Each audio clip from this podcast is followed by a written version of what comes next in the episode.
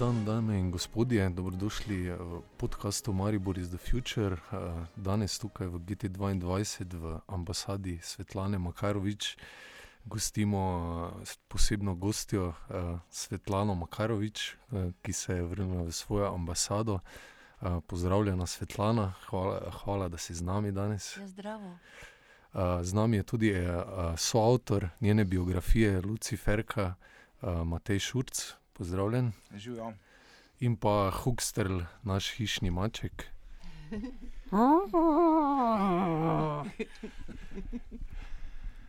Um, ja, mislim, eh, pripravili smo eno eh, freestyle eh, podcast za danes, torej brez vnaprej določenih vprašanj.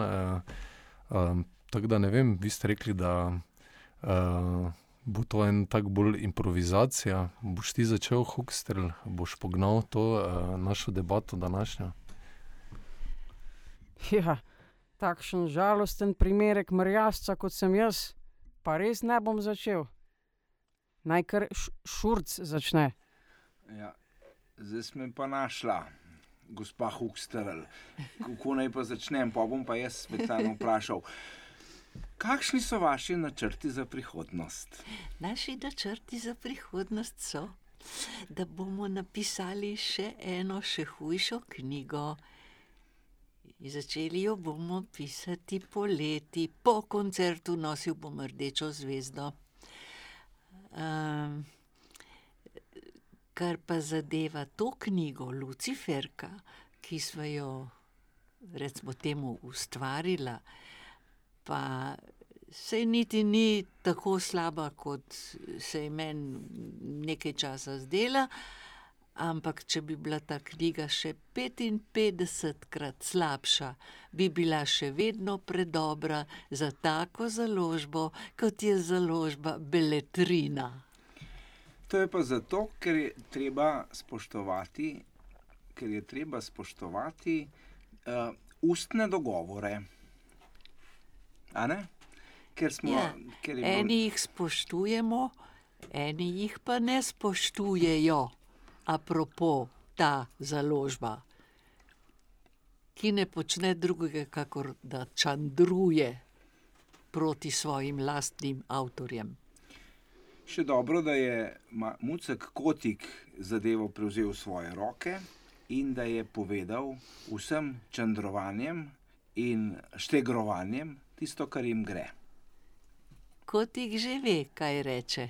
Kotik za svojimi izjavami vedno stoji. Mjav. Ja, kje pa je danes moj ljubimec Kotik? E, ljubimec Kotik je službeno zadržan in se zdravi tudi, e, ker je dobil garje od gospe Slabšak. Aha, va, va, va, va, va. Sicer je pa Kotik sam rekel, da ga te zadeve, uh, kar zadeva promocijo knjige uh, in pa razne reklame in pa razni do, družabni dogodki, sploh ne zanima. On ima drugo delo, on je zaposlen v Žabi vasi, kjer se ukvarja z izuzemanjem uh, voluharjev iz narave in še kakšnih drugih, takih in drugačnih voluharjev. Takih in drugačnih.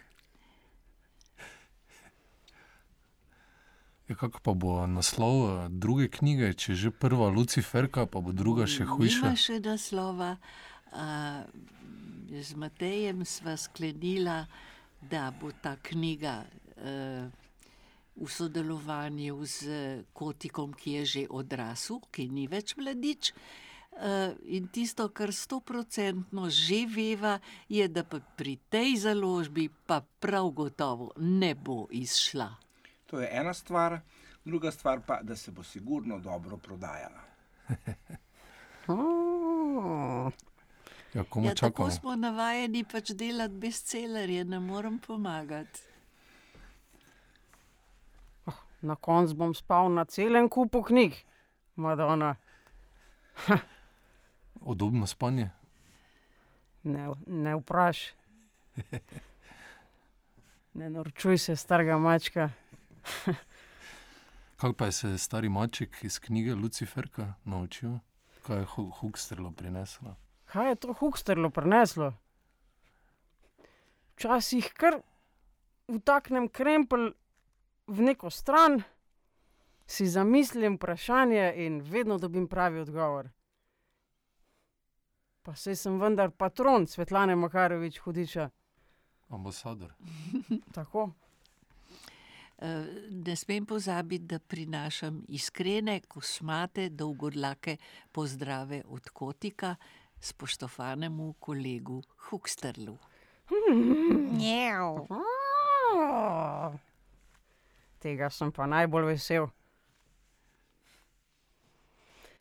Sem pa mal zaspan. Tako da, Maček za span, tega pa ne razumem, da je ob devetih zvečer maček za span, pa zdaj bi moral biti buden, najbolj buden, čuječ. pa veš, sploh- koliko sem jaz star. Koliko? Ne vprašaj. se je nažrl. Ja, preveč. Če se, če se kotik uh, ukvarja z izuzemom voluharjev iz narave, s čim se ukvarja Hukstrl? Z deratizacijo klerofašistov. Bravo, V. Mariboru ima pa veliko dela, očitno. Zato sem pa zaspan ob tej uri hudiča. Toliko voluharjev. Ja. Kle- Klerofašističnih voluharjev. Tako je. Kako pa to izgledajo? Pri nas jih ni toliko, zato sprašujem. Križec nosijo okrog vratu. Najmanj enega. Prav obrnjenega ali narobe. Ja, tako kot pravi Majakovski. Eni imamo oblak v hlačih, drugi pa križ za vratom. Ne? Kar smejte se. Wow. Kako pa je bilo mogoče, Svetlana, mi povete malo, kaj, kaj ste pa vi pri tej knjigi, kateri je vaš najljubši del v Luciferki? Eh, Kaj je moj najljubši del? Eh, eh, Uvod s posvetilom eh, desničarjem, uvod eh, k moji bibliografiji. Aha. Zakaj pa? Ja, ker to uh, izraža s, uh, mišljenje drhali, ki bo zdaj dve leti zelo zadovoljna. Kaj bi mogoče prebrali ta uvod? Imamo knjigo pri roki. Matej že brska. Pa, No, pa preberimo. Pa preberimo. Na 24 straneh je njena bibliografija, tu je pa, Pa darilo pa pa desničarjem. darilo A boš ti prebrala? desničarjem Bom jaz prebrala. Takole. Ti živiš na račun slovenk in slovencev. Nezasluženo pokojnino so ti dodelili ta rdeči. Svojo kvazi umetnost si preplonkala iz ruske literature. O otrocih ti nimaš pravice govoriti, saj jih nisi rodila, niti za nje nikoli skrbela. Najlepše na svetu je biti mama in varovati svojega otroka. Ti lahko govoriš le o mačji zalegi, kolikor te je volja, rdečo zvezdo, ki jo poveličuješ, si vtaknil ta zadnjo, ti nič vrednica, nobenemu ne bo nikoli mar zate. Čak pa lepa klicajev, pet klicajev, tako. Pa da se ve. Ja, super, hvala lepa. Okay. Noč nam rekel. Kaj pa, Matej, ti, tvoj del knjige, kaj si tisti, eh, kako si se po, v tako življenje, uh, tako z uh, večplastne in uh, avtorice in osebe, kako si se poglobil, kako si to pretvoril v besede? Zelo preprosto, pravzaprav. Vse, kar je povedala, ima nek smisel. In kjerkoli knjigo odprem, vedno najdem nek pomen, ki ga doslej še nisem niti do dobro odkril. Tako da je knjiga univerzalna za vse čase, kraje, običaje. Zdaj, recimo, sem odprl eh, knjigo na strani 164 in spodaj bom prebral ta zadnji odstavek. V bistvu sem zelo žalostno bitje, zato se, naj zveni še tako absurdno, rada iz srca nasmejem. Najbolj sem žalostna, kadar trpijo mala, nebogljena bitjeca. No, zdaj bom pa mal osebnost spremenil. In bom rekel, da ali rekla, ali reklo, hm, fluidno. Bi se zahvalila Svetlani za uh, teh čudovitih pet let sodelovanja, ali mislim, da celo več, in še na mnoga leta, v upanju še na mnoga leta. Svetlana je pozabila gordati slušalke in mogoče je prav tako. I'm sorry for changing my personality, bom spet hukster, pa bo. Po mojem sistemu, ko si dala, uh, si fajn zaključila. Točno to, ko si rekla na zadnje. Tako da bi mogoče že končala. ne. Tako. Hvala vsem, da ste sodelovali v podkastu. Zdaj se pa selimo uh, na intimni oder, kjer bodo Matej, Svetlana, Miha Horvat in Špela Kožar imeli tudi pogovor pred občinstvom, uh, ki si ga lahko zdaj v posnetku tudi pos poslušate. Tako da vabljeni, vabljene še naprej k poslušanju uh, in Maribor is the future. Hvala. Uh, ja, eh, lep večer, uh, uh, dan žena, uh, ambasada Svetlane Makarovič in da, danes živo z nami Svetlana, Špela in Matej, Luciferka in dan žena in kolektivno delo. Jaz sem vesel, da ste tukaj, upam, da vsi sedite, da imate vsi roke razkužene, uh, pa da lahko začnemo. Ekola. Dobrodošli. Gloria. A, Lep pozdrav vsem še v našem imenu. Hvala, da vas koronavirus ni pregnal, da danes ne bi bili z nami. In kot si rekel, dan žena je vsem nam en lep praznik. Svetlana je lepo vredna.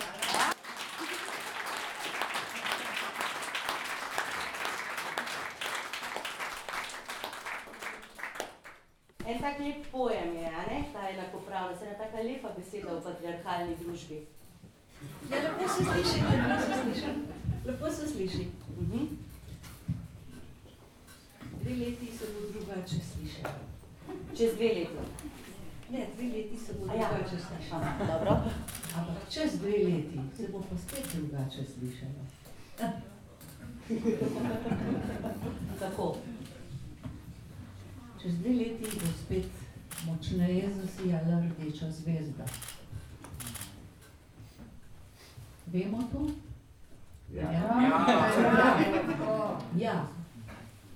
Še dve leti smradu, ki ga bo seveda vedno več, vedno bolj intenziven bo. Ampak maske so že padle, še padajo. Čez dve leti bo pa vse, vse popolnoma jasno.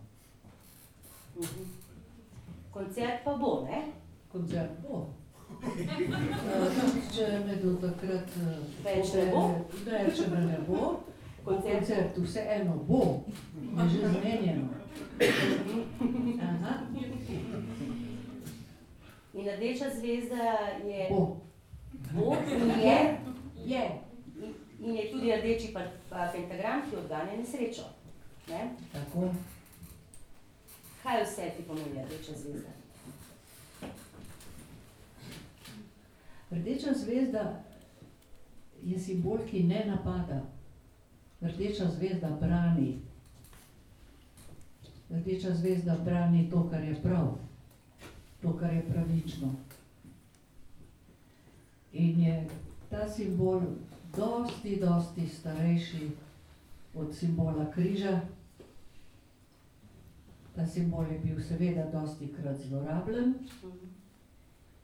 je ponekod še zlorabljen, tudi ponekod bo še zlorabljen, ampak tako zlorabljen, kot je pa simbol križa, pa tudi ta simbol nikoli ni bil.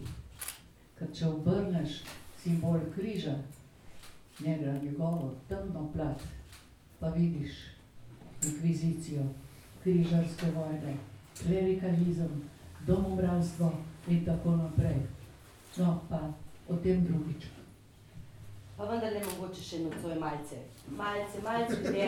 Na začetku je bila neka vera v Boga, v nauk, potem pa se je zgodil ta, ta izdaja Patra Tominica, kot lahko tudi beremo v Že Luciferju. to uh, vera v nek izmišljen lik, Mhm. kajti uh, Kristus je seveda popolnoma izmišljen lik, ne, je umetno ustvarjen. In uh, da povem, če bi recimo bil, uh, če bi nekdo postavil za, za Boga uh, v oltar rdečo kapico, bi reveži ravno tako verjeli. Ker ovca gre zmeraj za tistim, ki je najglasnejši in predvsem tistim, ki je najbogatejši.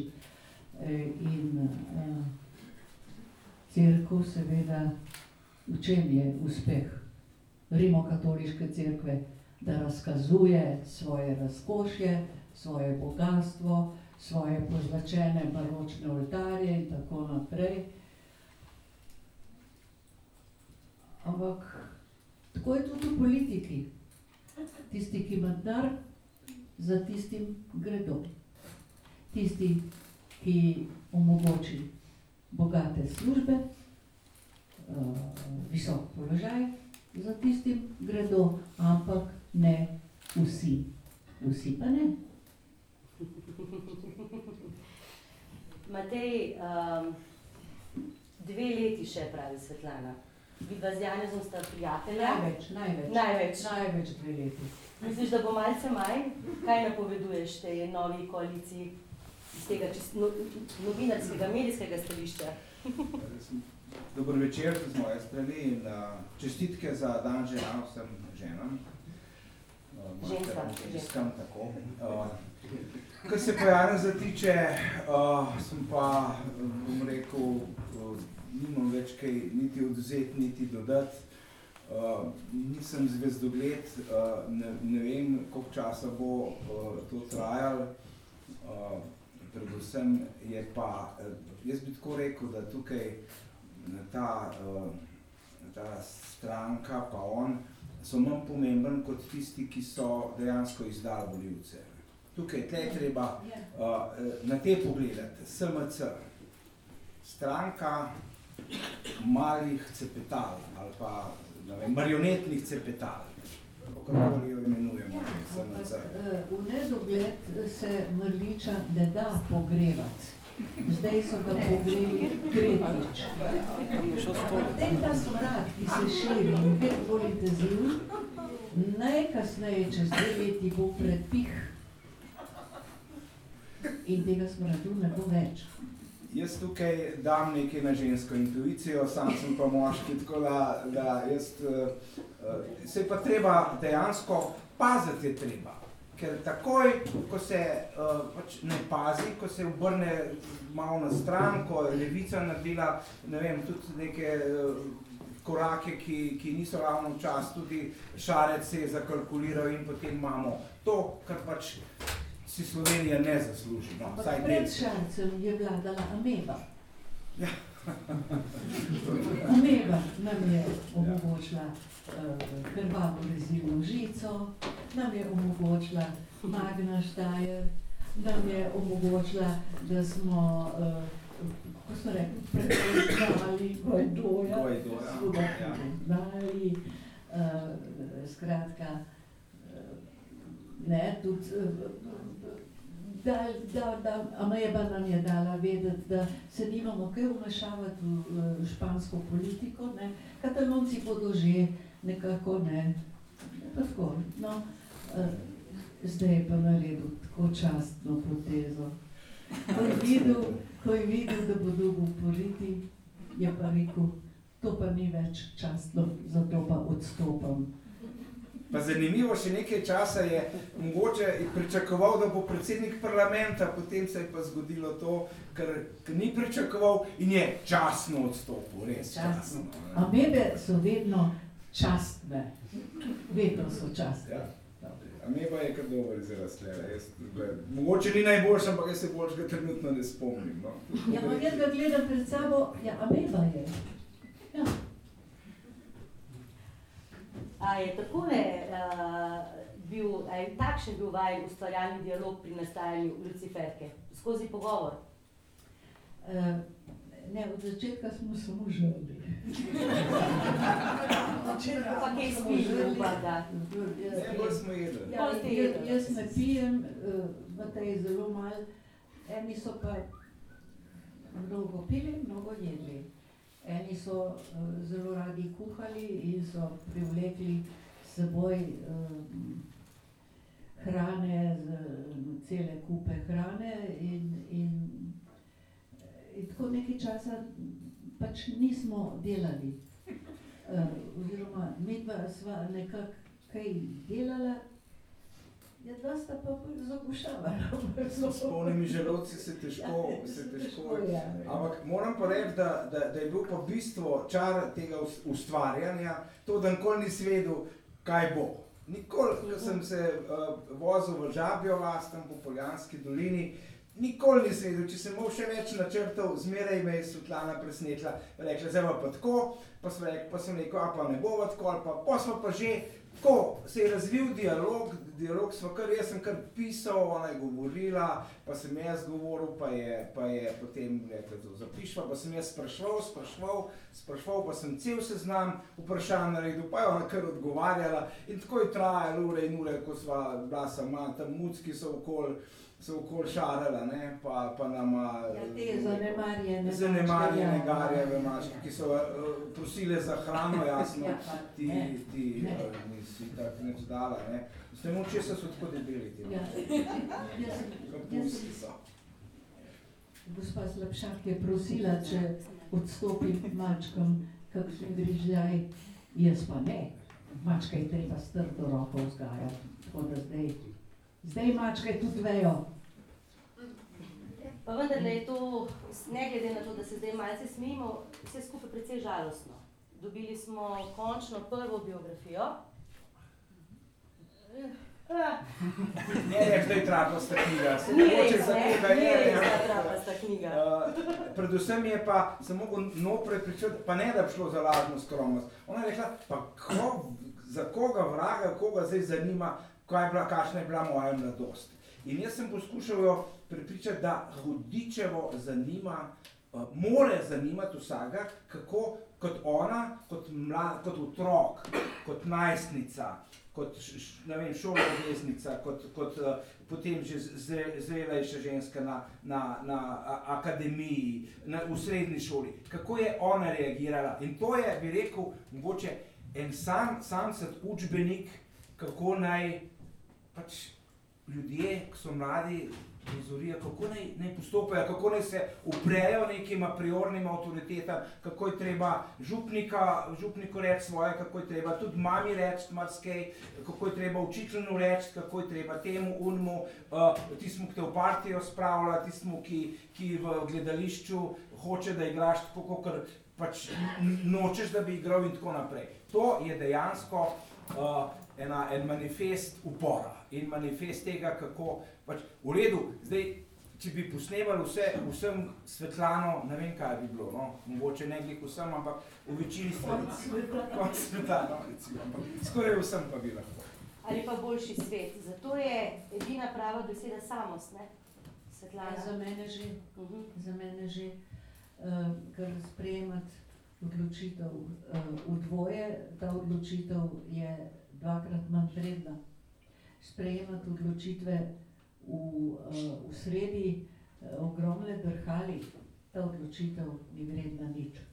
Mhm. Šele ko se nekdo sam odloči zase, pa da kakšen drugi to pogleda, pa prepozna vsaj del svojega mnenja v mnenju tega, ki je samosten, potem se to lahko razširi na skupino. Ali pa s časoma celo na množico, nikoli pa ne na drhal. Mhm.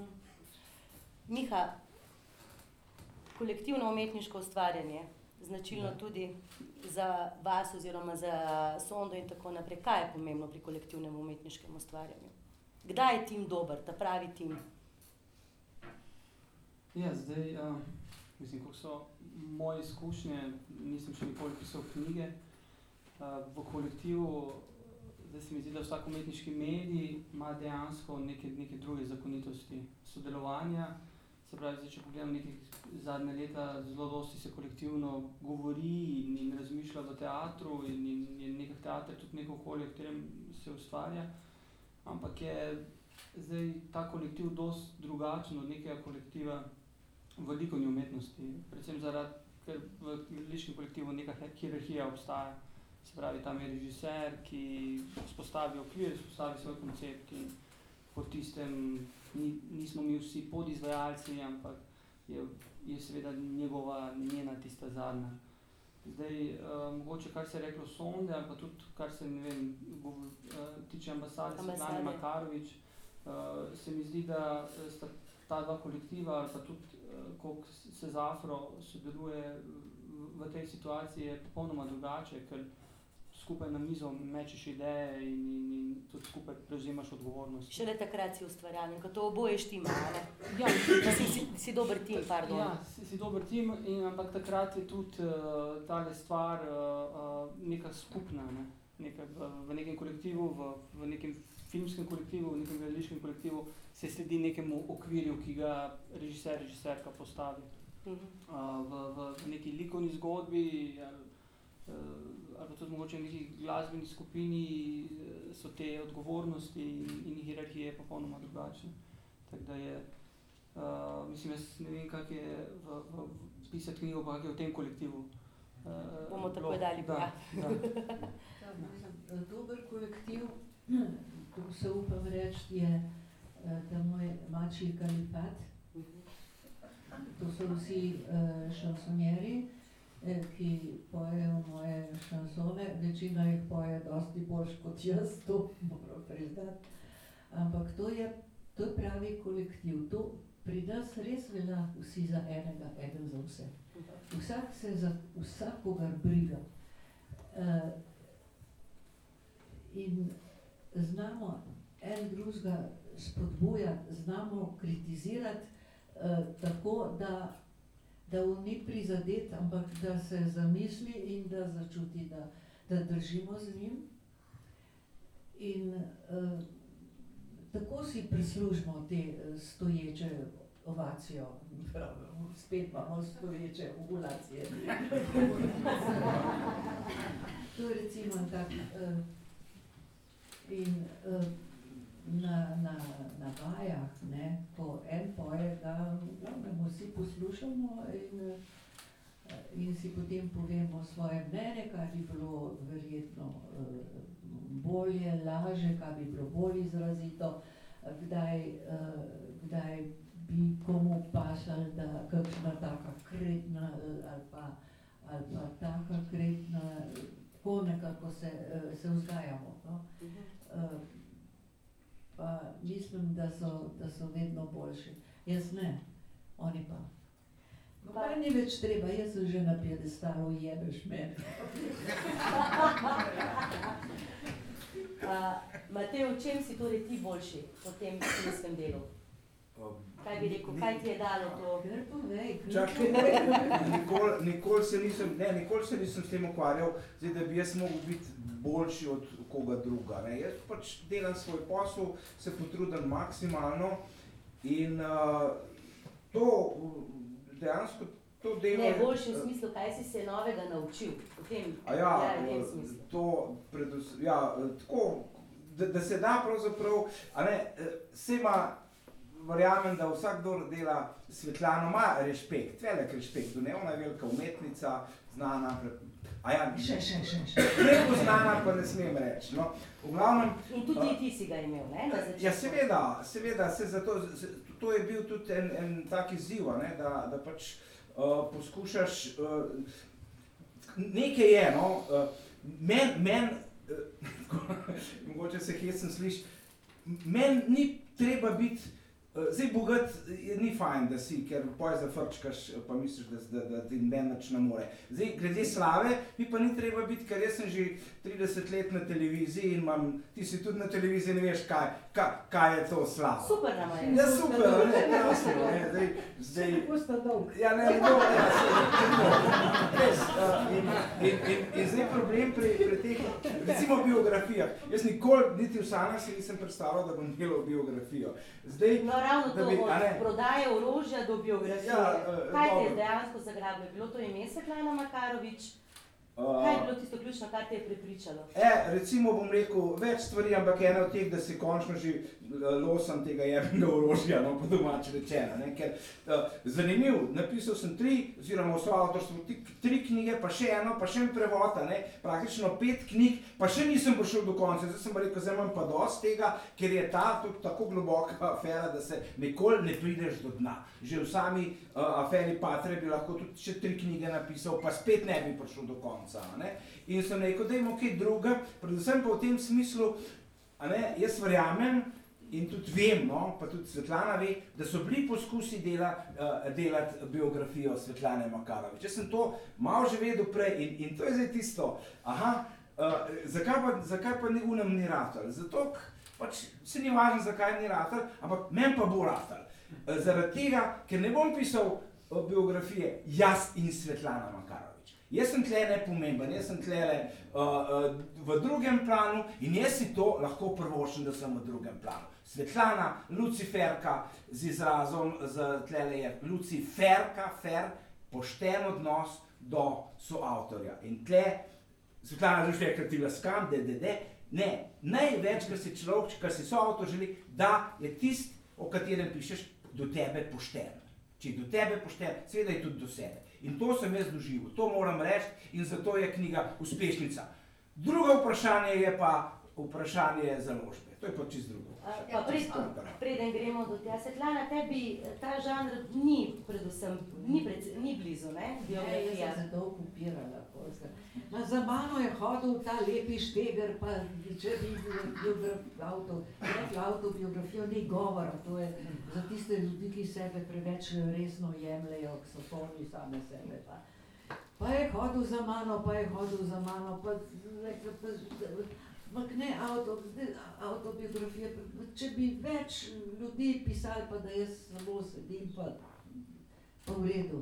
Ampak potem se je vse skupaj popačilo. Zakaj se je popačilo? Ker, ker smo se zbrali, kot štirje so avtori, ne?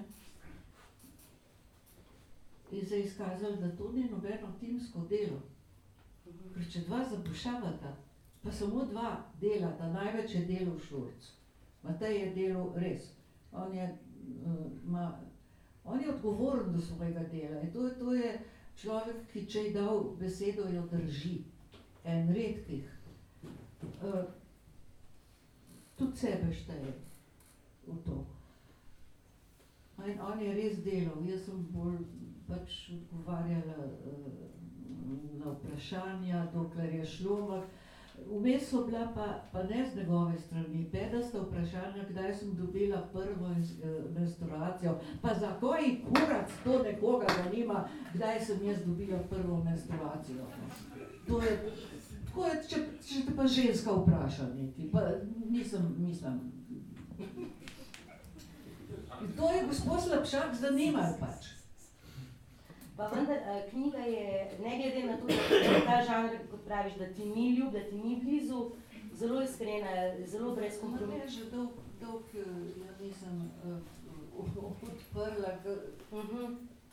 ker me že davni ne zanima več. Bolj me zanima uh, tista knjiga, ki jo bova vidva s Šurcem za drugo leto pripravila. In, uh, se ne smeva vnaprej hvaliti, Ja, zdaj, bo pa strupena. v, v tej knjigi, uh, vsaj kar se mene tiče, tudi to je izziv. Ne vem čist nič, niti ne vem, kako bo, a veva samo, da ne bo pri biletrini šla, pa da se bo dobro prodajala. Je tako, pa še Ja, tudi to ne veva, jaz se ne važem, se A, bo dobro, že dobro. neki tema, bo, lahko Ta se uh, sote. knjiga Luciferka ne, eh, ni samo knjiga o meni, ampak je na koncu tudi knjiga o založbi Beletrina, pa o nivoju te založbe.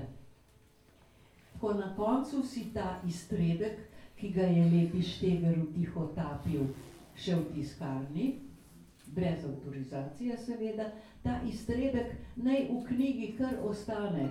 Preberite si ga, pa vam bo jasno, kaj je nivo založbe Peletrina. Miha, kaj ti praviš na to čandrovanje? Vemo, da obstaja ta izraz. Kot Uh, nekdo iz strani.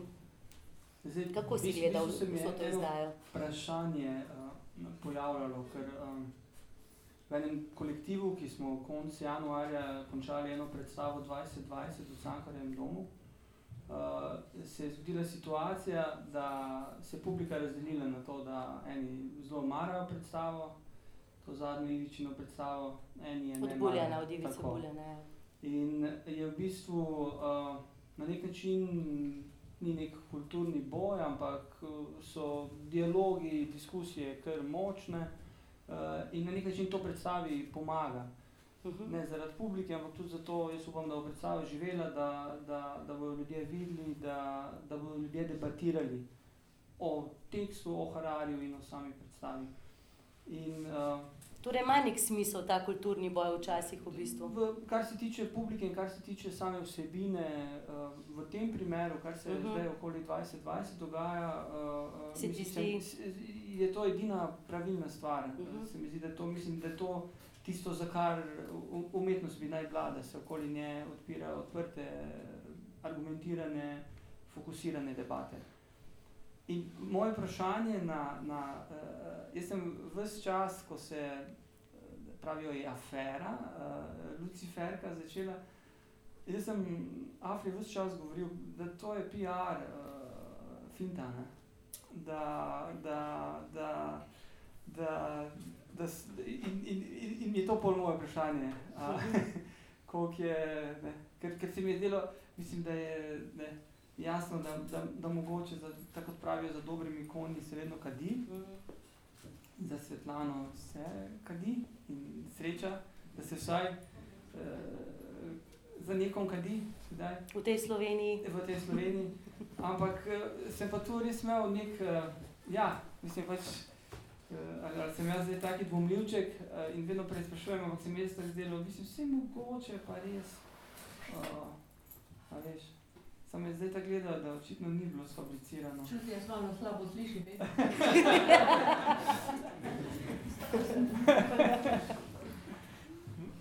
Kako si ti doživela, v bistvu dejansko občutila vse to skupaj? Kako si se počutila vsem skupaj? O, ob čem? Ob tem čandrovanju. PR-ju, kot reče Miha, to poimenuje PR založbe. Ja. Ob Ja. tem čandrovanju. V- Pri uh, mojih stikih z založbo Beletrina. Ja, ob izdaji same knjige, ko je v spredje priš- prišla, prišlo vse ostalo razen vsebine, tudi strani nas Ja, medijev. ne, tudi najprej, najprej v, v, eh, ta uh, Beletrina imela tiskovno konferenco, kjer so povedali, uh, da, da je izšla fantastična knjiga Slep, Slepič, eh. Da, da je izšla fantastična knjiga, mislim, volna na, na, na koži, nekaj takega. Uh, pozabili so pa omeniti Luciferko, no pa nič za to. Ampak uh, običajno je, kadar je tiskovna konferenca, pa da se kakšna knjiga uh, predstavi, da novinari dobijo, dobijo recenzenski izvod, ne? Pa ga niso dobili. Nekaj novinarjev, med njimi uh, ta novinar uh, uh, primorskih novic, je šel na tiskovko in je hotel imeti pač recenzenski izvod. Mm, eh, pa je Čander rekel, da ga ne more dobiti, češ da je Svetlana Makarovič zahtevala, da, da novinarji ne dobijo izvodov in da, da je rekla, naj si jih grejo kupiti. No, tako je bilo. V, v bistvu še hujš. Rekli so, da si ti prepovedala, ja, ja. da, da bi uh, dobili novinarji uh, recenzentske izvode, Ja, ja. oziroma te avtorske. Ja, ja. A, Ampak, ampak što se bil v tem, da sva, pač, ko smo pogodbo sestavljali z avtorsko agencijo, da smo pač, ne vem, eh, neko določeno vsoto ali 20 ali ne vem koliko, določeno število knjig, ja to naj bo pa kot nekaj normalnega, to naj bo pa za novinarje. In potem sem jaz vprašal, odkot zdaj Čandru pa telam, da, da rečejo, da prepoveda. In potem je ta pravnik uh, razložil in rekel, torej, če dovoliš 20, potem uh, jih pre, prepoveš 50, torej obratno. a ne, tak To je spin, ti tipični spin. Torej, nikjer v pogodbi ni, da je Svetlana prepovedala, ampak če jih dovoliš 20, jih ne dovoliš 50, a ne, in jih 30 torej prepoveš. a ne. No, ampak, ja, ampak, Mi pa smo eh, svoje ja. avtorske izvode potem na Svoje, svoje, lastni ja. pro, Ja. promociji v mini teatrov eh, poklonila novinarjem. Tako, in druga stvar je pa še hujša, uh, ker so a ne, tole, uh, v pogodbi piše, da mora Svetlana avtorizirati knjigo, preden gre v tisk. Uh, preden je šla v tisk, je avtorizirala, meni so potvorili, ne, tle podpiš se, Svetlana, z vse zmenjeno, ti podpiš v njenem imenu. Jaz sem rekel, kako, je vse v redu, ja, vse v redu, to gre v tisk, točno tako, a ne boste nas primerjali, ne. Uh, ko smo knjigo dobila, je, bilo, pač, je bil ta iztrebek zadaj. In zakaj so to dali? So rekli, da bo tožila, so rekli ne, ne morete, ker je to lahko se smatra kot izjema od pravila, da je to napisano kot, kot neke vrste uh, uh, pač glosa. No, ja, no, ja, no, nekaj takega. In, in da bo težko na sodišču to dosegla. Torej, spet so teli čandrovci ali kako koli naredili spin, seveda ni važno, ampak no, za, za, za naj ni važno, ker zdaj Miha je v bistvu dal en point, ki, je- ki je vprašal, a ne, zdaj bom jaz nekaj vprašal, a, je, a ti misliš, da smo mi umetno ustvarjali uh, ta, uh, v bistvu to, uh, pač ta spin oziroma ta pompa, ne, da, da bi se knjiga boš prodajala, ali je bilo, ali, ali ni bilo, no. Mislim, odkot, odkot to, ta miselnost, da aha, to so pa avtori sami Ne, jaz poturili. mislim, da si bolj ti mislil PR zalo- založnika kot Ja, tak. jaz mislim, se mi je, mislim, pomislil sem tudi na to, da bi bila to dobra taktika. Je bila? Mogoče za, za kdaj drugič, ne? Okej. da se lahko Ja, nekaj naučiš. Ne, Ne? ampak zdaj, eh, Ker, ker, ker naprimer, kar se, kar se, bom rekel, eh, te ekipe eh, tiče, mi je bila zelo dobra, eh, eh, ko se je končeval eh, Mariborska prestolnica kulture 2012, takrat je bila ena izjava, oziroma bili smo na javni okrogli mizi na nacionalnem radiju in uh, so, so direktori uh, zavoda EPK in programski vodje rekli, da na nek način v bistvu še sreča, da, da Maribor ni zgradil kakega Kunsthausa ali pa kakšne velike kulturne inštitucije, ker uh, je v bistvu uh, Graz je zgradil to hišo in ta hiša v bistvu uh, se komaj preživlja. Ne? In, eh, in takrat se mi je zdelo eh, ne, tak podoben en PR-jevski spin, ne, da pač nismo zgradili, čeprav tisti, ki Ja. smo spremljali Evropsko prestolnico kulture in smo z njo živeli, vemo, da je naprimer Gilamare že tri leta prej Mhm. vedel za vse infrastrukturne investicije iz Evropske unije, ki se bodo zgodile v mestu, eh, o, o 70 milijonih so takrat govorili. Eh, Maribor takrat ta tri leta prej tega dela ni opravil, ampak na koncu tega leta pa je prišel tale PR-jevski spin, pa boljše, gledajte, Graz, mislim, zdaj tam imajo enega Warhola na leto razstavijo ali pa ne vem, imajo komaj preživi Kunsthaus. Je ne. zanimivo, isti ljudje. So Isti ljudje in, eh. in, in, in za- zato iz te logike se mi je zdelo, pa še mogoče so oni sami zaspinali, tu zdaj dvigujejo prah. Ja, ja. eh, še knjiga se je Pa še Svetlana, slabšak in vse. In, No, u, in Tako na- je bil spin, zato sem to Ja. govoril. ja, jaz ne moram pomagati, če, če je spet bestseller. No. Ja. ja. Zdaj vprašanje meni se di, brez, tudi brez teh spinov, pa brez teh... Bi bil. eh, bi, bi bil, ne, absolutno. Svetlana, kdo je dober? za- Kdo je dober založnik? Tvoja založba je načeloma mladinska knjiga. Založba je mladinska knjiga. Kdo je, uh, kdo je dober založnik? Kaj dela založnika dobrega? Uh, odnos do avtorjev, uh, potem uh, ne se utikati uh, nasilno v tekst, ki ga avtor ustvarja, uh, medtem ko ga ustvarja. Uh, dober založnik, ko prejme rokopis dokončen, ga prebere, se odloči ali bo recimo predlagal kakšno spremembo. Samo predlagal, ne pa poskušal cenzurirati. To je pa bistvena razlika. Kajti Beletrina je poskušala ta tekst cenzurirati. To je bistvo. Ja, mucka kotika je hotla, glih mucka. Ja, pa maček mu je vrnil milo Ja. ja. drago. Se ni pustil, to je pa res. Ne, seveda ne. To je kolega od uh, Hukstala, ne? Bratranca, kako nekaj ja, ja, zrasta. ja, sta. Mhm, mhm, mhm. Um, jaz bom zdaj nekaj, meni je v bistvu Preširnova nagrada, ki je bila, pa je potem ni bila. Ne? Bom samo nekaj prebrala. Na jok mi gre, ker vem, da je to moja nagrada, da sem si jo z dolgoletnim trudom krvavo zaslužila. Vem pa tudi, da nagrade ne smemo vzeti, ker je odbor grobo kršil statut Preširnove nagrade in s tem klerikal, klerikalcem omogočil, da so agresivno vstopili v slovensko kulturo. Kako da se nunam trebuh je redec smo letos poslušali? Ma kje je že to? A? Pred enim mesecem, Ja. 8. februar, ja, točno ja, en mesec um, Ne, zdaj, eh, ta tako, ja. iz umazanih rok Mm. nagrade ne smem, ne samo ne morem, ne smem sprejeti. Še manj sprejeti iz umazanih rok denar. Tako recimo tudi tega zlatega ordena zasluge za narod nisem hotela sprejeti od uh, Drnovška. Kaj pa od Pahorja? Uh, tako da so potem uh, to podelitev zamrznili. In potem, ko je bil uh, uh, Danilo Danilo Türk. Eh, predsednik iz njegovih rok, rok, sem pa sprejela to nagrado. Iz Drnovškovih rok pa ne bi sprejela ničesar. Kaj pa iz Pahorjevih?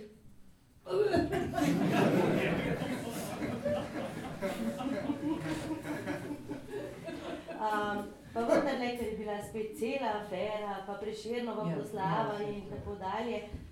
Kak, da gremo še malo na aktualno. Kako si ti, a, a si gledala proslavo? Ja, gledala sem prelom, super, Super, ne? super, super. Takoj sem čestitala Magnifiku, ne, ker uh, to je preširen. Mhm. Tudi hudobija, tudi humor, tudi satira, tudi to je preširen. Ne samo sonetni venec, ki mimo grede za moj okus ni popolnoma čist vrhunski. No, se zadnje v tem času je Evropa uh, kulturno cvetela in je bilo ogromno avtorjev, ki so bili uh, ravno tako vrhunski. Ne? Uh, uh, krivično do, do Prešernovega spomenina je to, da, da malo ljudi pozna sonetje nesreče, kaj ti soneti nesreče so pa vrh njegove poezije e, in eden od vrhov svetovne poezije. Ampak na drugi strani je Prešeren tudi napisal uh, na vse zadnje na, na vrata Uršulinskega samostana. Si veš, kaj je napisal? Tudi veste jih imele, pa jih niste htele dati. Zdaj so vam že vse uvele, jih imate le za scat.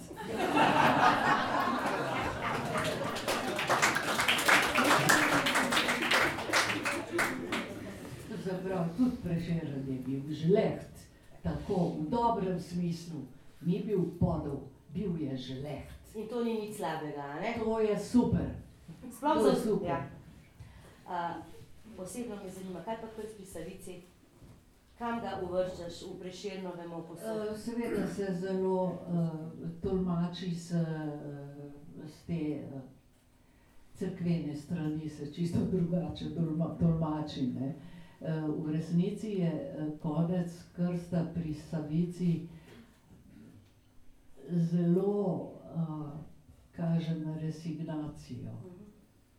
Kajti končati to pesmitev, domov je Bogomila šla kočeti, nič več se nista videla na sveti. Konc, konc, konc, propad. To je to. Ne pa jaz, da smo pa krščeni, pa slab savica, pa juhu, pa zdaj pa temo. Maši. In uvod k krstu pri savici, to je tisto bistveno, manj črna noč. Ne? Je črne, črne zemlje krili, kot so pod svetlim soncem, sužni novi. Tlele je ogromno po- pomenov noter.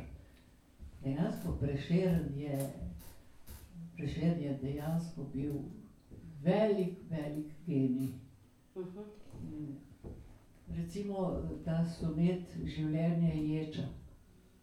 Kdo je v življenju karkoli hudega doživel, lahko to podživi s tem, s tem, da je življenje ječa. Čas ne rabel hudi, jaz sem si prav zapomnila. Čas ne rabel hudi. Ja. Še znam iz šole, Ja. znam še, Ja. znam še. Ali pa kot je, kot je enkrat recitirala Jerica Mrzel uh, na mesto, kas je rekla pes. Ja. Ne pes čuvaj, ki se nikdar ne utrudi, ampak pes čuvaj, ki se nikdar Še eno, eh, eh, kaj pa srečko Kosovel? Ja, ni mi toliko blizu kot prešeren. Mhm. Ni mi toliko blizu. Um, bolj so mi njegove te impresije, so mi dosti bliže. Jaz, ko so vela, ne, osebno ne doživljam tako zelo. Um, osebno pa na svoj način doživljam najlepšo pesnitev, ker je bila kdaj ustvarjena. To je pa najlepša si Slovenija. Imaš smaragdne potoke, pa pa bi se naročil. Kaj pa od premijeja, ne? A je To. To, še štegar ga ne dosega. To je to. Ja, pa zdaj bosta vidva, zdaj sta vidva pesniška Zdaj smo kolega. kolega, Mhm. zdaj smo kolega, samo on je bolj boljši od mene. Ja, dve leti bo boljš. Pa Pa sem pa jaz počas pobrala. Matej, ta knjiga Luciferka se je predstavljala tudi na način, eh, da vam zruši vse stereotipe o Svetlani. Kateri so bili recimo tvoji stereotipi, preden si jo dobes- preden ste se bolje spoznala? Pa Miha, tudi zate morda, kako ti doživljaš Svetlano? A jaz? Kar. Wow. Um, zdaj, odkrito sem bil danes potisnjen sem, da moram tukaj sedeti. Te pa kaj povej? ja. Tak je, kaj je zelo kao, da bo... Nisem več bal. Ja. Miha, ti se kaj bojiš? Uh, ja, um, Ja, pa se je že Čandr povedal, Ja. je Čandr rekel, vse vsi vemo, kakšna je. ja. Ja. Čandr Ja, jaz ne ni ve- star, jaz- jaz- nikoli v živo ja. videl, ampak ve pa. Vsi vemo, No. kakšna je. Rabi škandal. A ja, Če ne bi, že Maca Košir je pred leti napisala, da če jaz ne bi okoli sebe delala škandalov, sploh me nihče ne bi opazil. ja. A da Mateju najprej besedo. Ne, veš kaj, bil, sem res v situaciji, ko sem se namrznil in, in uh, v, v sebi začel drugače razmišljati o, o ljudeh in ne bi rekel, da jih zasovražil, ko, ko, ko so izjavili, da se je Svetlana vse od uh, Gregorja naučila in da, um, da kao v njej ni nič uh, originalnega. Mhm. Uh, ampak uh, se mi zdi, da, da v teh zadnjih dveh letih ambasade in uh, v teh letih, uh, odkar je v življenju moja Afra, uh, mm, uh, imam privilegij, da sem večkrat, uh, oziroma da sem že celo kuhal uh, za Svetlano Karovič uh, v svoji dnevni sobi. Uh, in mm, imam, uh, a veš, na nek način je to ena veličina umetnosti, uh, ki, ki si verjetno vsak umetnik, uh, ko začne študirati pa sanjati, da bi ustvaril umetnost, želi. Verjetno ne rekel te ne slave ali vrhove, ampak tudi verjetno te kvalitete in vrhunskosti uh, in artikuliranosti in, in angažiranosti in, in kritičnosti in, in jasnosti. Uh, in, Mm, se mi zdi, da imam zdaj kurjo kožo in uh, me sram, ne vem, kaj bi rekel. Tak, da, uh,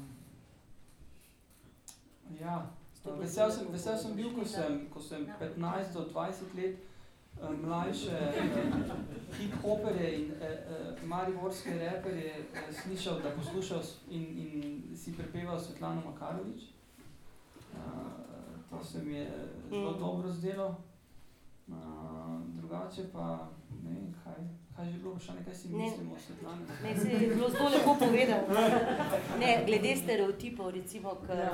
uh, je bila tudi na ta način, da vam tudi uh, poruši stereotipe. Matej, stereotipi v Svetlani niso Zdaj, tako meni se da uh, tam v zavirku piše, ne, da stereotipi. No, to, ja. to, to sem jaz napisal. A to si ti napisal? Ja, zdaj moram priznati, da sem.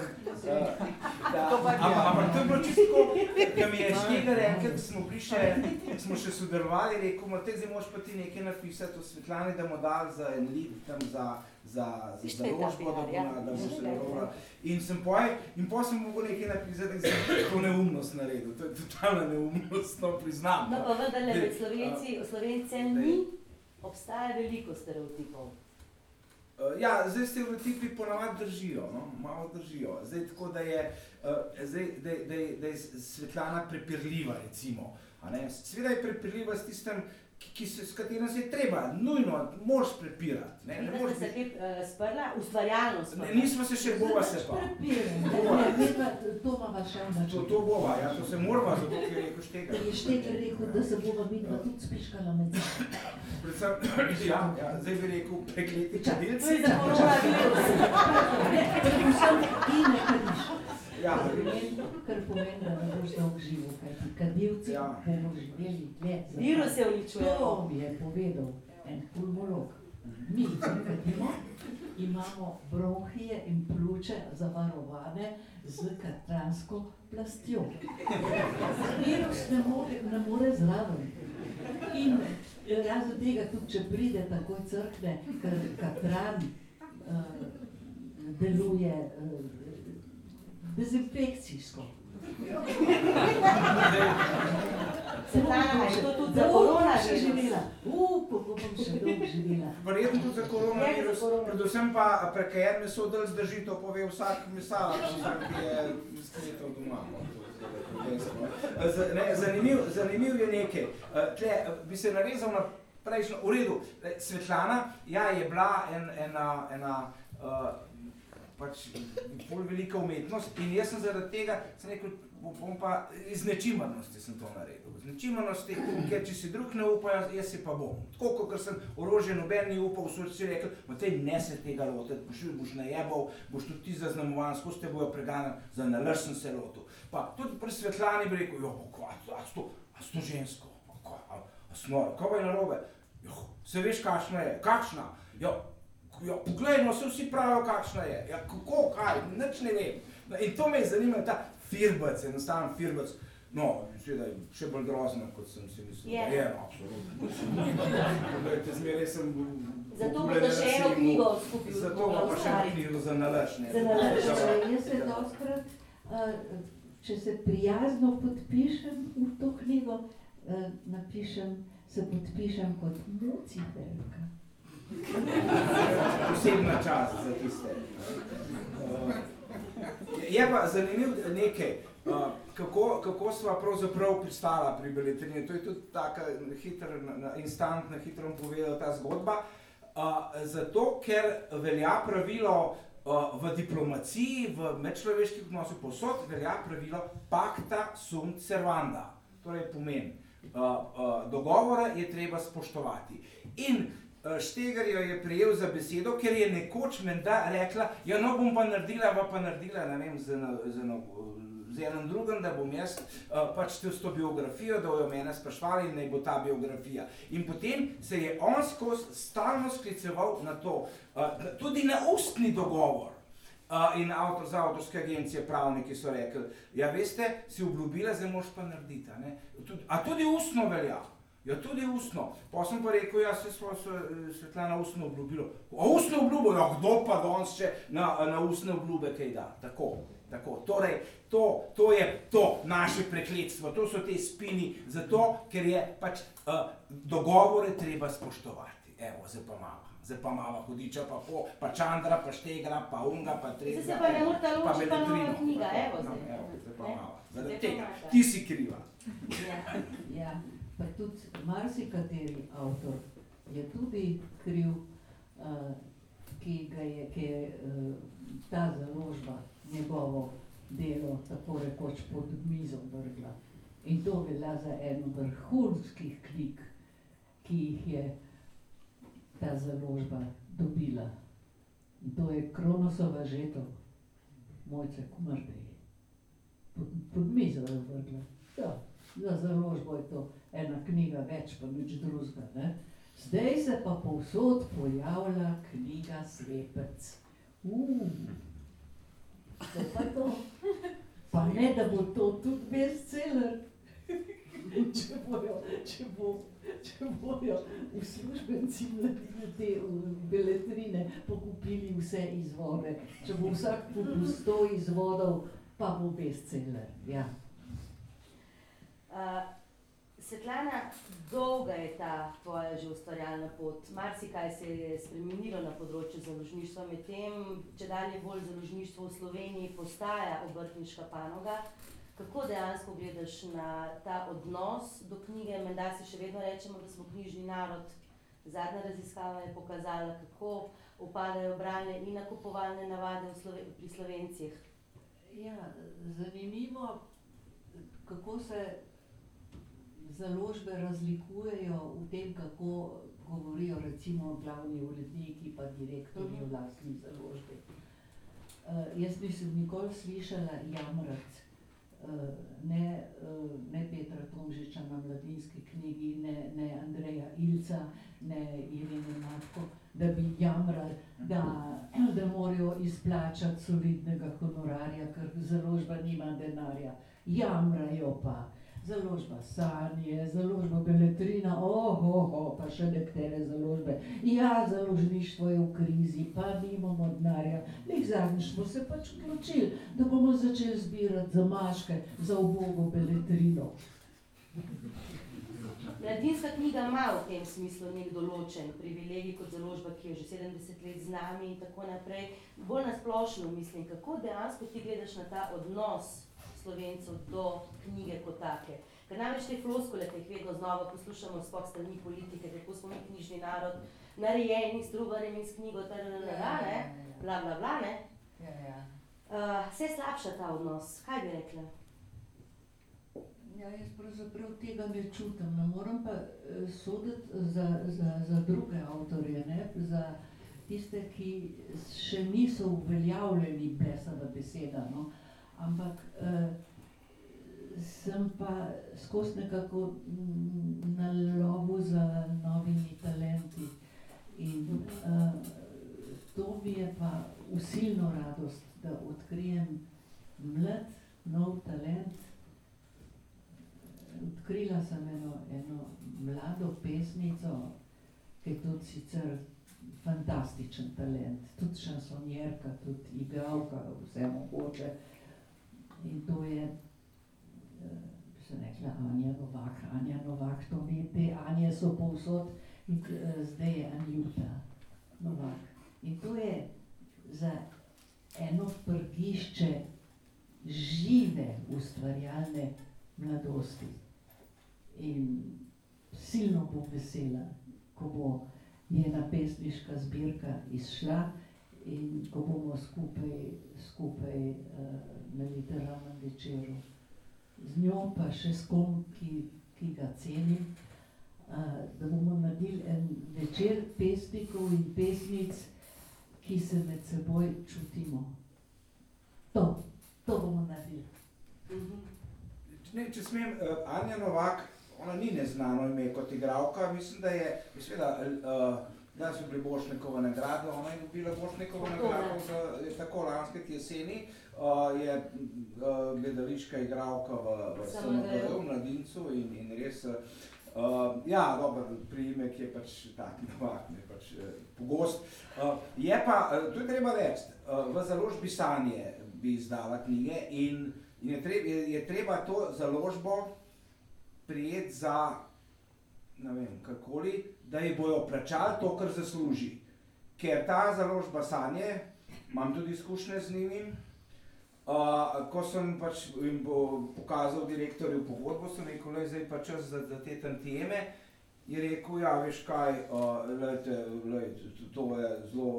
Uh, založniška dejavnost zelo težka, pa imamo stroške za izdajo knjige, pa papir je drag, pa tiskarja, pa more un dobiti denar, ki jo prinese, pa jo kako oni poberejo v, v knjigarnah, a ne, pa tisti, dajo na, v izložbo, ne. Jaz sem rekel, že kako sem pa mi dva pogodbo podpisala, dobil sem odgovor, ja veste, to so pa evropske direktive, ker moramo pač nekaj napisati. A ja, a tako. Torej, Pa smo prijavili nova, kakšne direktive ja. bojo in kaj bodo ona dobila, tisto, ja. koliko bo dobila tega, kar se je zaslužila. Ne pomnimo se vsi skupaj, ki smo tle.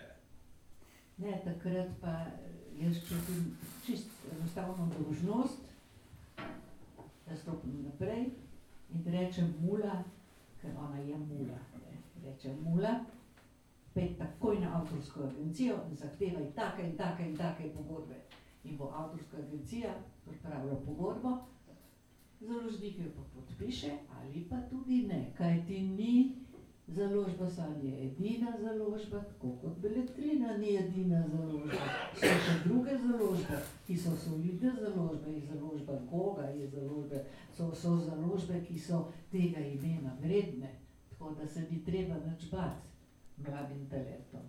Uh -huh. Sem še jaz tukaj. Miha, kak je pa tvoj odnos do branja, do nakupovanja knjig? Si strasten bralec, strasten nakupovalec?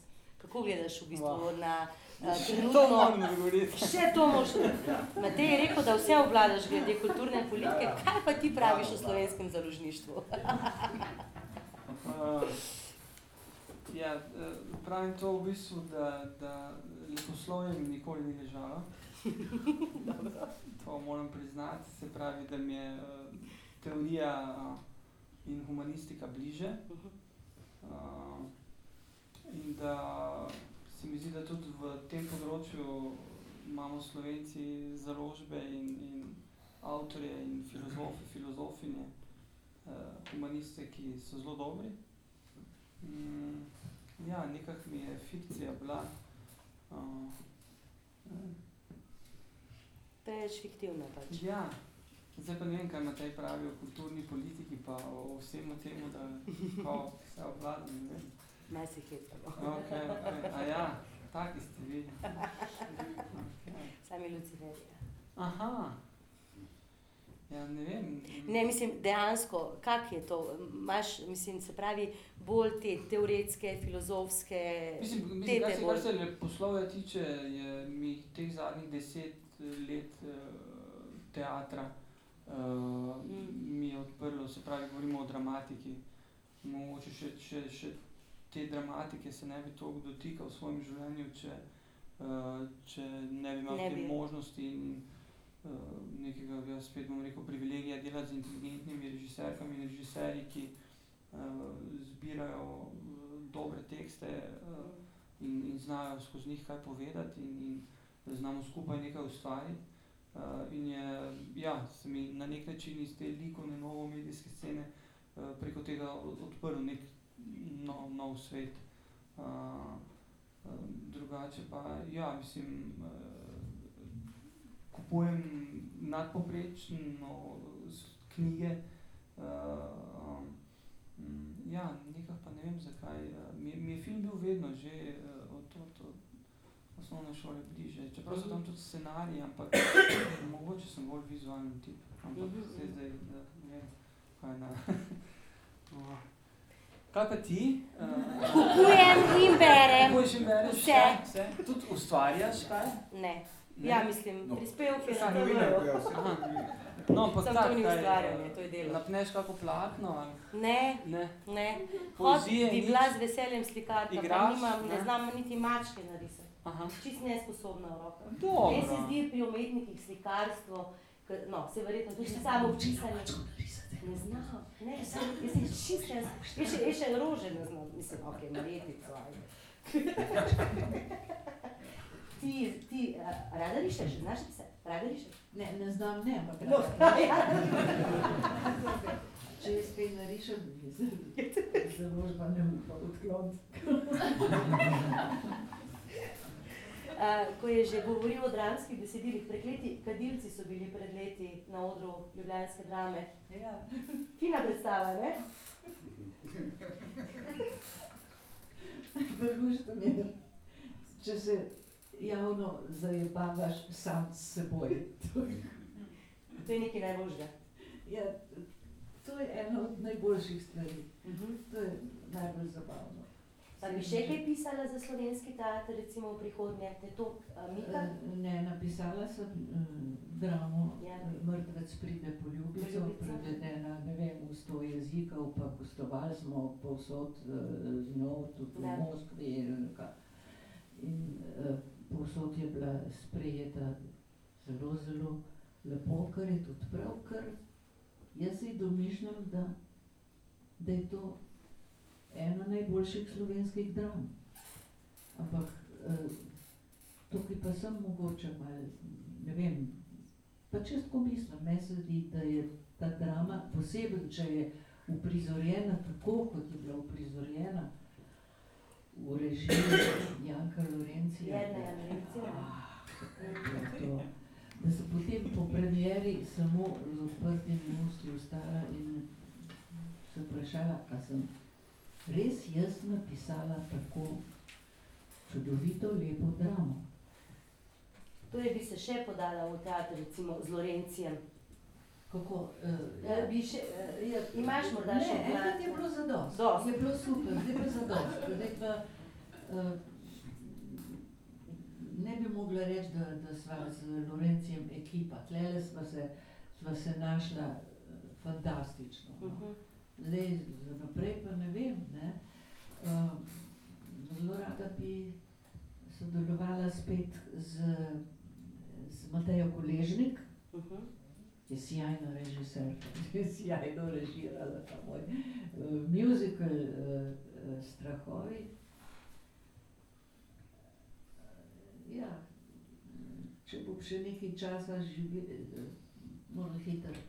Zdaj, ko je korona, je vse. Eh, Škoda, da Mateja dela v Nemčiji, ne? da je Trenutno, praktično. Ja, Sej, ki pride, pride, kaj Pride, nazaj, pride, kaj ja. pride, kaj Pride. nazaj.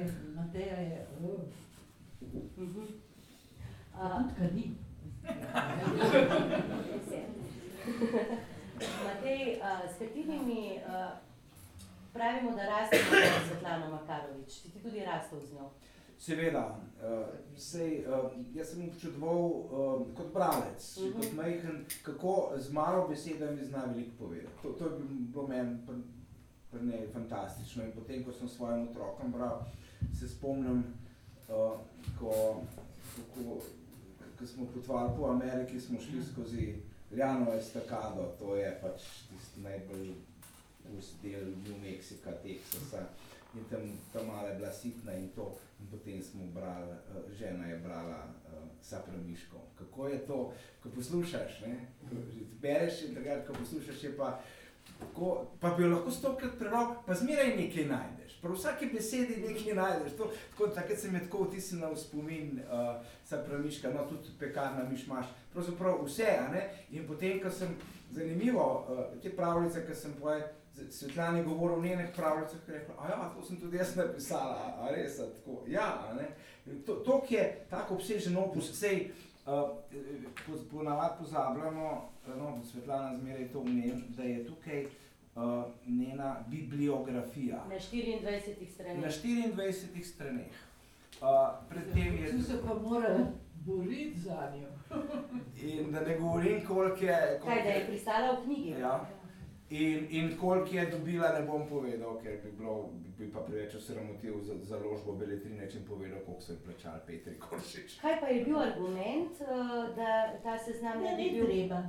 Zato, ker se gospe Slabšak ni ljubilo urejati moje bibliografije in je potem v dogovoru z lepim štegrom sklenila, da v tej knjigi moje bibliografije ne bo, ker to se da kje drugje prebrati. No, ko beremo to tvojo bibliografijo, dejansko neverjetno. Uh, Eno najlepše je pa uvod. A ja. Uvod, uvod, da jih prebere uvod, uvod je pa krasen. Uvod je Ja, no, moja se, bibliografija. se, se mislil prebrati, no, ampak ti, če mislim, da mogoče pa ne bo. No, ampak, ja, lejte, takole gre. No. Ja, naslov je Darilo desničarjem, vsi njeni plagijati. Uh, pač eno, to je ena razglednica za mater Božjo, z, z sinom, edinorojenim sinom Božjim, uh, mozaik, uh, potem na drugi strani je pa z, z znamko, ki je pre, premalo, um, je uh, tako, da smo mogli vem, doplačati, ali kaj, in anonimno, ki piše takole. Ti živiš na račun slovenk in slovencev. Nezasluženo pokojnino so ti dodelili ta rdeči. Svojo kvazi umetnost si preplonkala iz ruske literature. O otrocih ti nimaš pravice govoriti, saj jih nisi rodila, niti za nje nikoli skrbela. Najlepše na svetu je biti mama in varovati svojega otroka. Ti lahko govoriš le o mači zalegi, kolikor te je volja. Rdečo zvezdo, ki jo poveličuješ, si utakni v ta zadnjo. Ti nič vrednica, nobenemu ne bo nikoli mar zate in pet klicajev. Tako da, ta, ti si rekla, da je to ženska, da se je zelo, zelo potrudila, da bi čim bolj Živi užila. Slovenijo. To je začetek njene, torej vsi plagijati. No. Ampak Svetlana, ko beremo knjigo, ne, um, vse prej kot enostavno je biti vretenčar v tem ponorelem svetu, oziroma v svetu nevretenčarjev. Zdaj se malo smejimo, da še enkrat bom vprašala, k- kako ti to doživljaš, kadar si recimo sama, verjetno to niso enostavne stvari. Jaz sem si doskrat v življenju prizadevala živeti enostavno. Uh -huh. Em, Najbolj, najdalj sem si prizadevala, da bi bila taka kot drugi. Ker biti drugačen, že kot, kot majhen otrok, najebavaš skozi.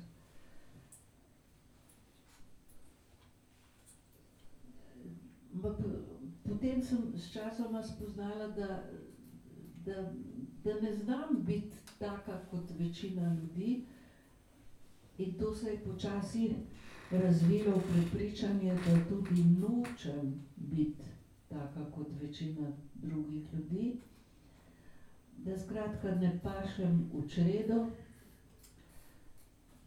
Jaz ne znam ukazovati, ampak tudi ubogati ne znam.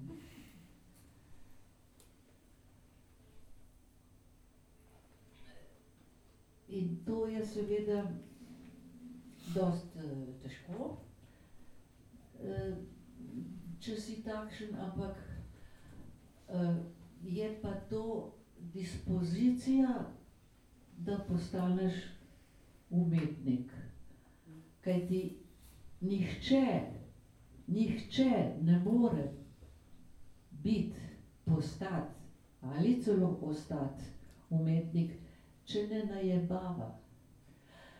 In jaz kratko mal, dosti krat rečem, kakšnemu mlademu umetniku moraš najebavati. Moraš, hočeš, nočeš, moraš najebavati. Kaj ti nekdo, ki je rasel v, v vati, uh, v, v premožni družini, kjer so mu vse hruti, p- hriti prinesli, kakšen Miro Cerar recimo, ne? To je tak tipičen primer, nekoga, ki se nikoli ni razvil, nikoli ni postal vrteča, zmeraj je ostal ameba, ker je bil razvajen sinko.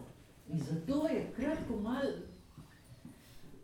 uh, bil in ostal pizda, ne morem drugače reči.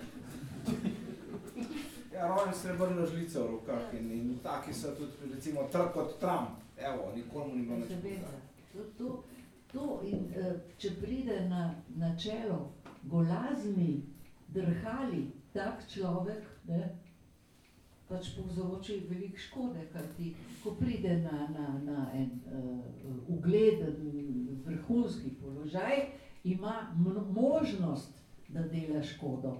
In jo prepričan, da, da ne dela škode, prepričan, ker je bud, misli, da dela prav in da dela dobro za Slovenijo, kot se temu lepo reče, da storim nekaj dobrega za Slovenijo.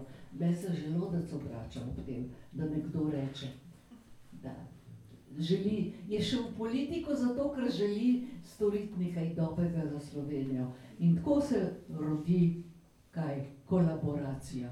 Kolaboracija med drugo vojno, kolaboracija prejšnji teden. Dve leti bo, In sto let, pa prepih. Mhm. in prav na stoletnico požigov Narodnega doma v Trstu, Ja. ki smo si ga menda sami požgali. Ja. So zdaj celo Ja, ja, informacije. ja, ja, ja. ja, zdaj uh, nacifašizem prihaja v falangah. Je v Nemčiji AFD, pa je Pegida, pa je Le Pen, pa je Janša. Skratka, nacifašizem prihaja v falangah z kolaboranti skupaj, seveda. Pa z mačarskim denarjem, ne? to je zdaj več kot, več kot očitno, da to, to je pa res hudo, ne? to pa, to pa tako nekdo lahko reče za Slovenijo, dobi pa denar iz, iz Mačarske, lahko je to tudi upran denar, ki prihaja iz kje drugje. ne. To je tisto. Ne? In, in, Ja. in tisti, to, to so patrioti, te v narekovajih, ki ti dejansko se patrioti, ja. po prstih s tujim denarjem. Ljubezenska In, tuj, in bojo, on bo mogel uh, odplačati, nekako povrniti Mačarom to, ta, to uslugo, za, ki je dobil Ja. za te medije. Ampak eh, nisem zadnjič rekel, pa, to se mi je zdelo pa genialno, kaj je rekel eh, Primož Siter v parlamentu. Je rekel, Jaža ni noben, ni, ni nacist, ni fašist, fašist, on je enostavno Oportunist. oportunist. Dokler je bila rdeča zvezda, pa komunizem je bil ta velik komunist, ne. Pa so ga fuknili iz partije ven, pa je probal nazaj prijeti, pa so ga še enkrat fuknili ven. Uh, pa je potem navohal, da potem bo pa drugače. ne. In je začel pač pluvati po partiji, po rdeči zvezdi, da, da, da, da, da, da. Zdaj je pač to, kar je. In če bi recimo se v- uresničil ta strah pred islamizacijo Slovenije, kdo bi prvi prestopil v islam, kdo bi prvi bral Koran. Kakšen Janševec z Jančo na, čelu. Bi ga pa potem pa, pa islamisti na novo pogreli, tega mrdeča. Ti komunizem poznaš popolnoma, mislim, izkušnja tvoja s komunizmom je popolnoma drugačna. Jaz pravzaprav nisem imela dosti izkušenj s komunizmom. Rečva z udbo. E, ja, z, eh, z Udbo, z partijo sem imela pač slabe izkušnje. E, ker eh, partija, tako imenovana komunistična partija, dejansko ni bila, ni bila zares komunistična partija. To ne bil, to ne bil komunizem. Že eh, to diskriminacijo tistih, ki niso bili člani partije, in pa bonitete tistih, ki so bili ča- člani partije ali pa celo eh, partijski funkcionarji, to ni bilo v skladu z idejo komunizma, tako eh, kot jo jaz pojmujem. Za mene rdeča zvezda pomeni pravi komunizem, to se pravi nihče čez drugega, ne čez trupla. In pa ne požri vsega sam, če sediš za, za, za obloženo mizo, povabi vse, ki grejo mimo, povabi k tej mizi. To je pravi komunizem. To je pravi komunizem, ki odseva v pravem socializmu. Ampak do takrat je še daleč, mogoče bo trajalo še generacije in generacije, mogoče desetletja ali celo stoletja. Ampak nekoč se bo to uveljavilo. Tega mi ne bomo dočakali, sigurno ne, ampak tisti, ki pridejo za nami, pa bodo znali spoštovati simbol rdeče zvezde, prastarega pentagrama boja proti zlu. In še enkrat ponavljam, rdeča zvezda ne napada, rdeča zvezda brani in daje. Jaz bi pa samo dodala, da je rdeča zvezda.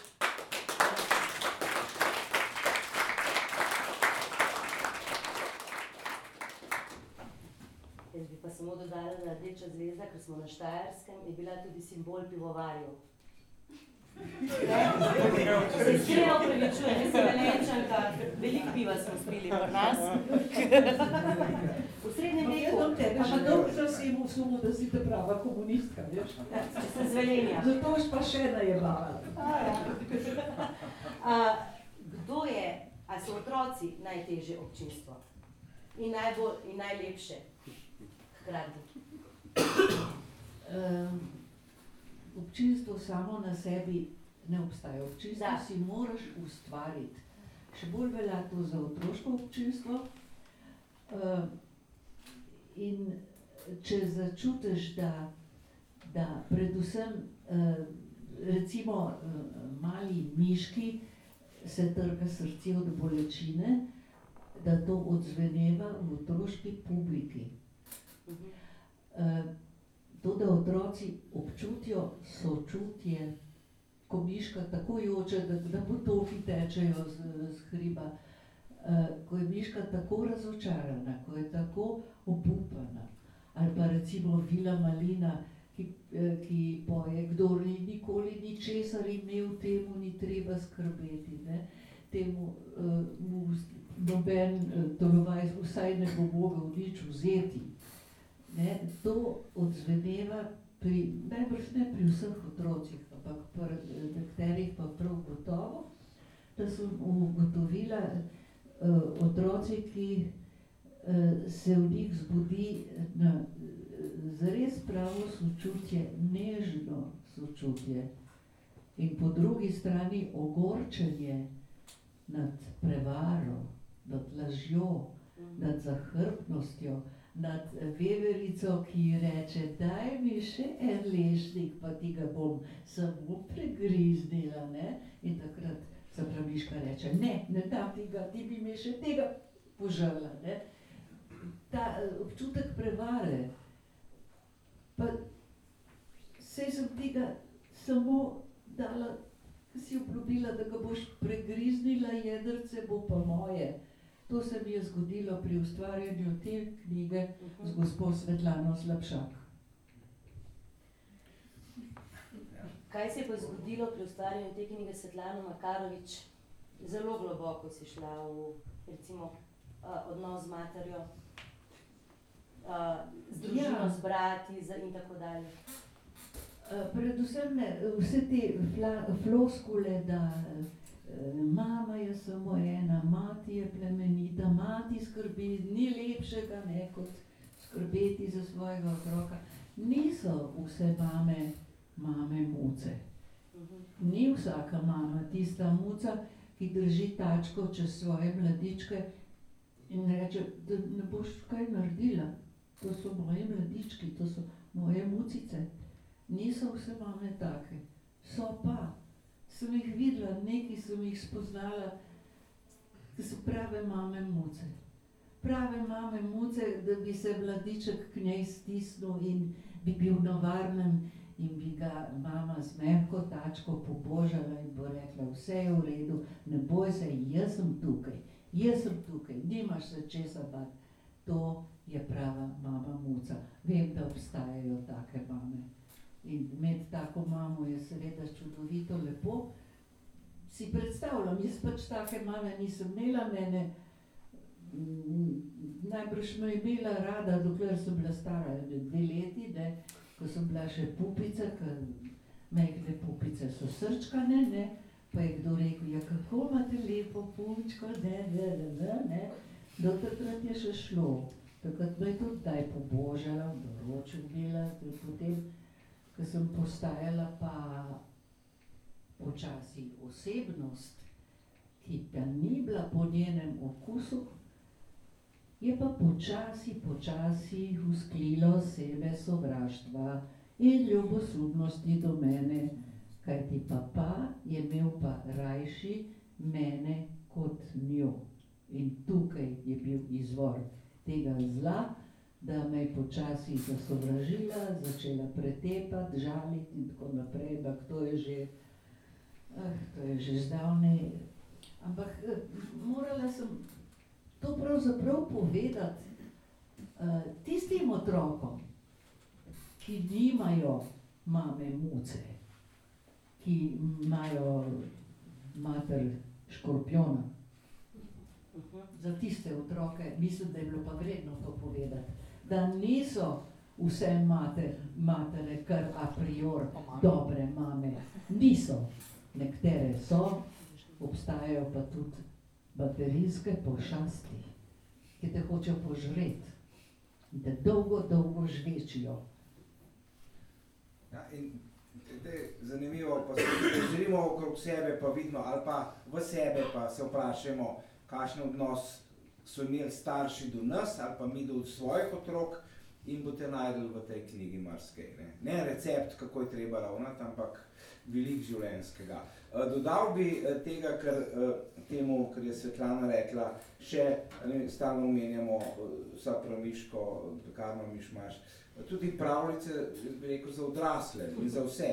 A ne? Predvsem tri so tudi razložene tle noter, in mi zdi zelo pomembno, da smo se o tem zelo temeljito pogovarjali in smo zelo na kratko napisala saga o Halgert, mesečinska struna in pa seveda snegoročka.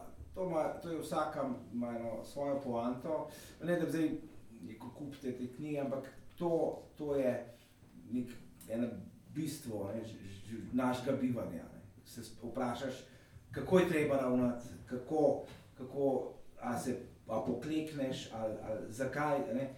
Odgovori na nekatera bistvena, nekatere bistvene dileme našega življenja. Pa še eno stvar bi poudaril, uh, Svetlani izrazit smisel za humor. To je pa, to je pa vsaj za me no, zelo veliko reden in to, uh, kako se spomnim, ko se nekaj veš, se neka Svetlana tole, ko so, tako, kako ti piše, to hočejo ven, da, da ven z knjige gre, cenzurirali bojo.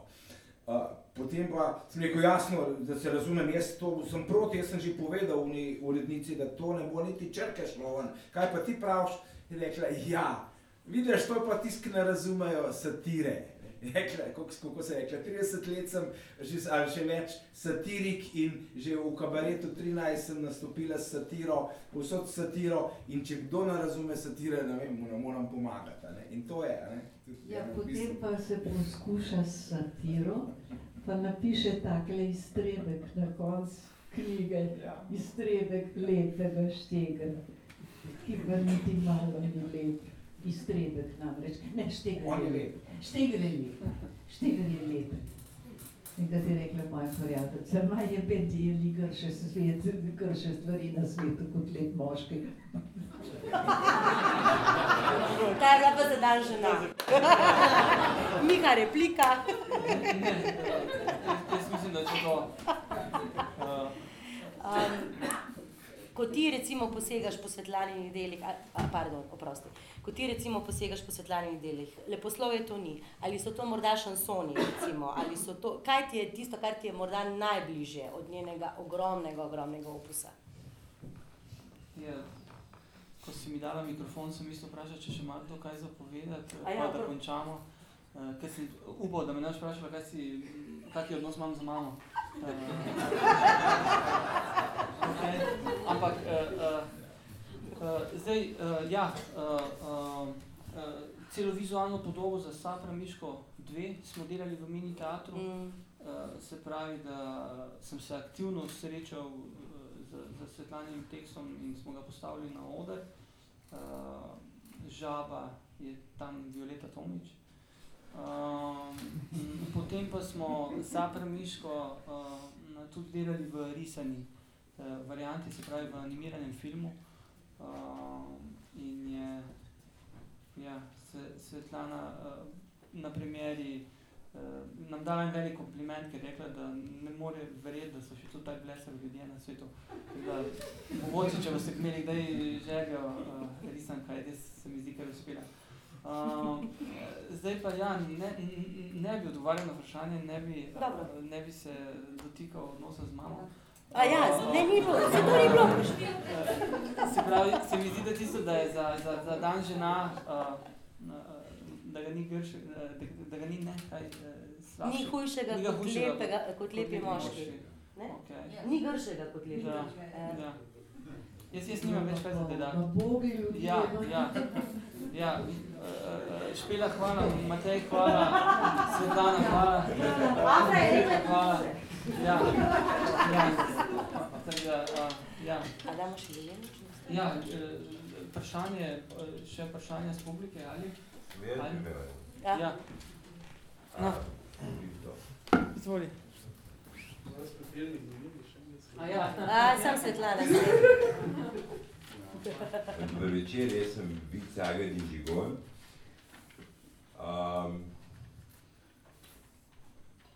Imam eno, na nek način sem povezan z gospod Svetlano Makarovič.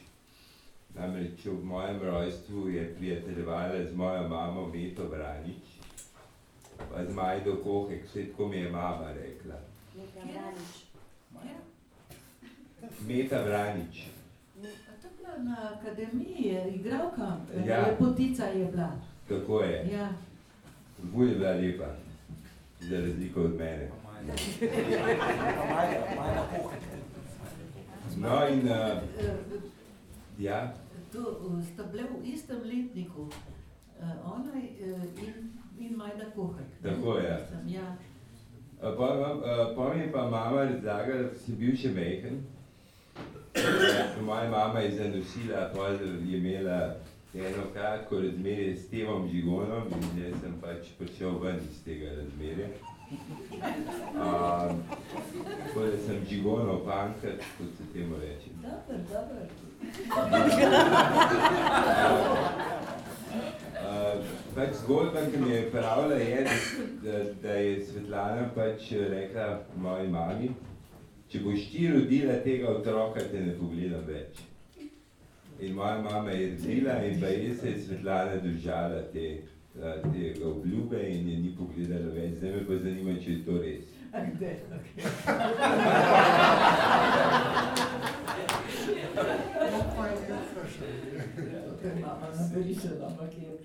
Sem vedel, da jaz ne verjamem vsega mami. To se Ne, bolj jaz sem v ji celo dala eh, šanso, da je eh, naslikala sceno v Lutkovnem gledališču za, za mojo medeno pravljico. A, ja, ja, To- ja, to ja. se pa spomnim. Ja. Ja. Se ne to tako resno let, pa tudi jaz nisem nič zameril. A, tako da, uh, zdaj sem, zdaj sem iz, uh, neposredno zvedel, da pač uh, so mame salame, ne, kot se tem reče. Mame salama. Um, Drugače pa se tudi jaz poezijo ukvarjam, na letos bo šla moja šesta zbirka. Imam pa tudi uh, uh, uh, tole, kaj že, projekt odprtih pisem, uh, ki ga naslavljam, to so pesmi, pisma v obliki pesmi, ki jim naslavljam osebam, ki so meni veliko pomenijo od sodobnikov do, napisal sem uh, tudi uh, odprto pismo Slavoju Žižku, pa Stalinu, pa Ničeju, ampak napisal sem ga tudi uh, Svetlani Makarovič. Uh, in uh, uh, hočem reči, da sodi v krog ljudi, ki jih uh, neizmerno spoštujem, predvsem zaradi tega, ker uh, si upajo biti to, kar so, kar je pa v teh časih zelo redko. Hvala lepa. To je to. Hvala enako.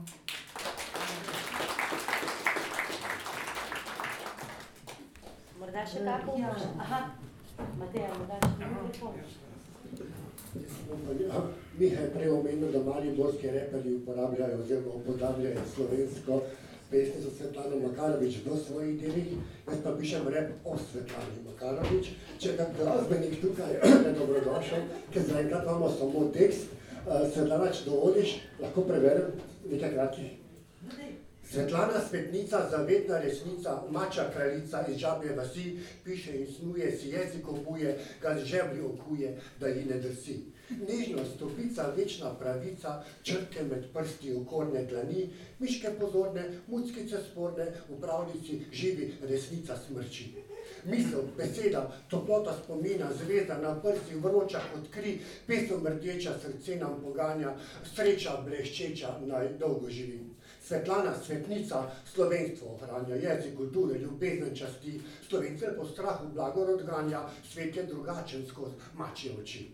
V črno zavita, v škrlat je odeta, zvezda ljubeča ji prsi krasi, glasno, ponosno, pismo jim rosno, piše, prebere, zapoje, kriči. Svetilnik moteči, plamen goreči, ogenj spomina v pozabi noči, pesnica sanja, sanja v sreči, pesem odzvanja v kosteh meči. Mrtla svetloba, temne povesti, pluje pod križem v varen zaliv.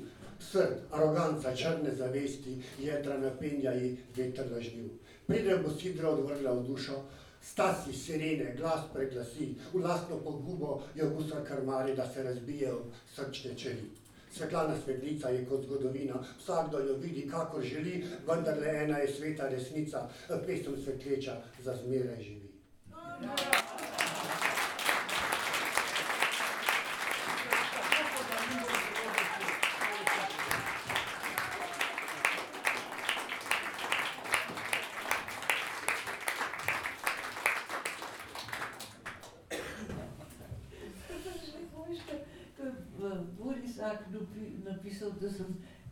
krilata kača. V začetku, na začetku je uh, njegov sonet. Sestra po izbiri, takoj. A, morda še kakšno vprašanje? Gremo se še malo družiti. A, na, na cigaretu zunaj, ko bo koronavirus bolj deloval, da smo malo skupaj. Hvala vsem!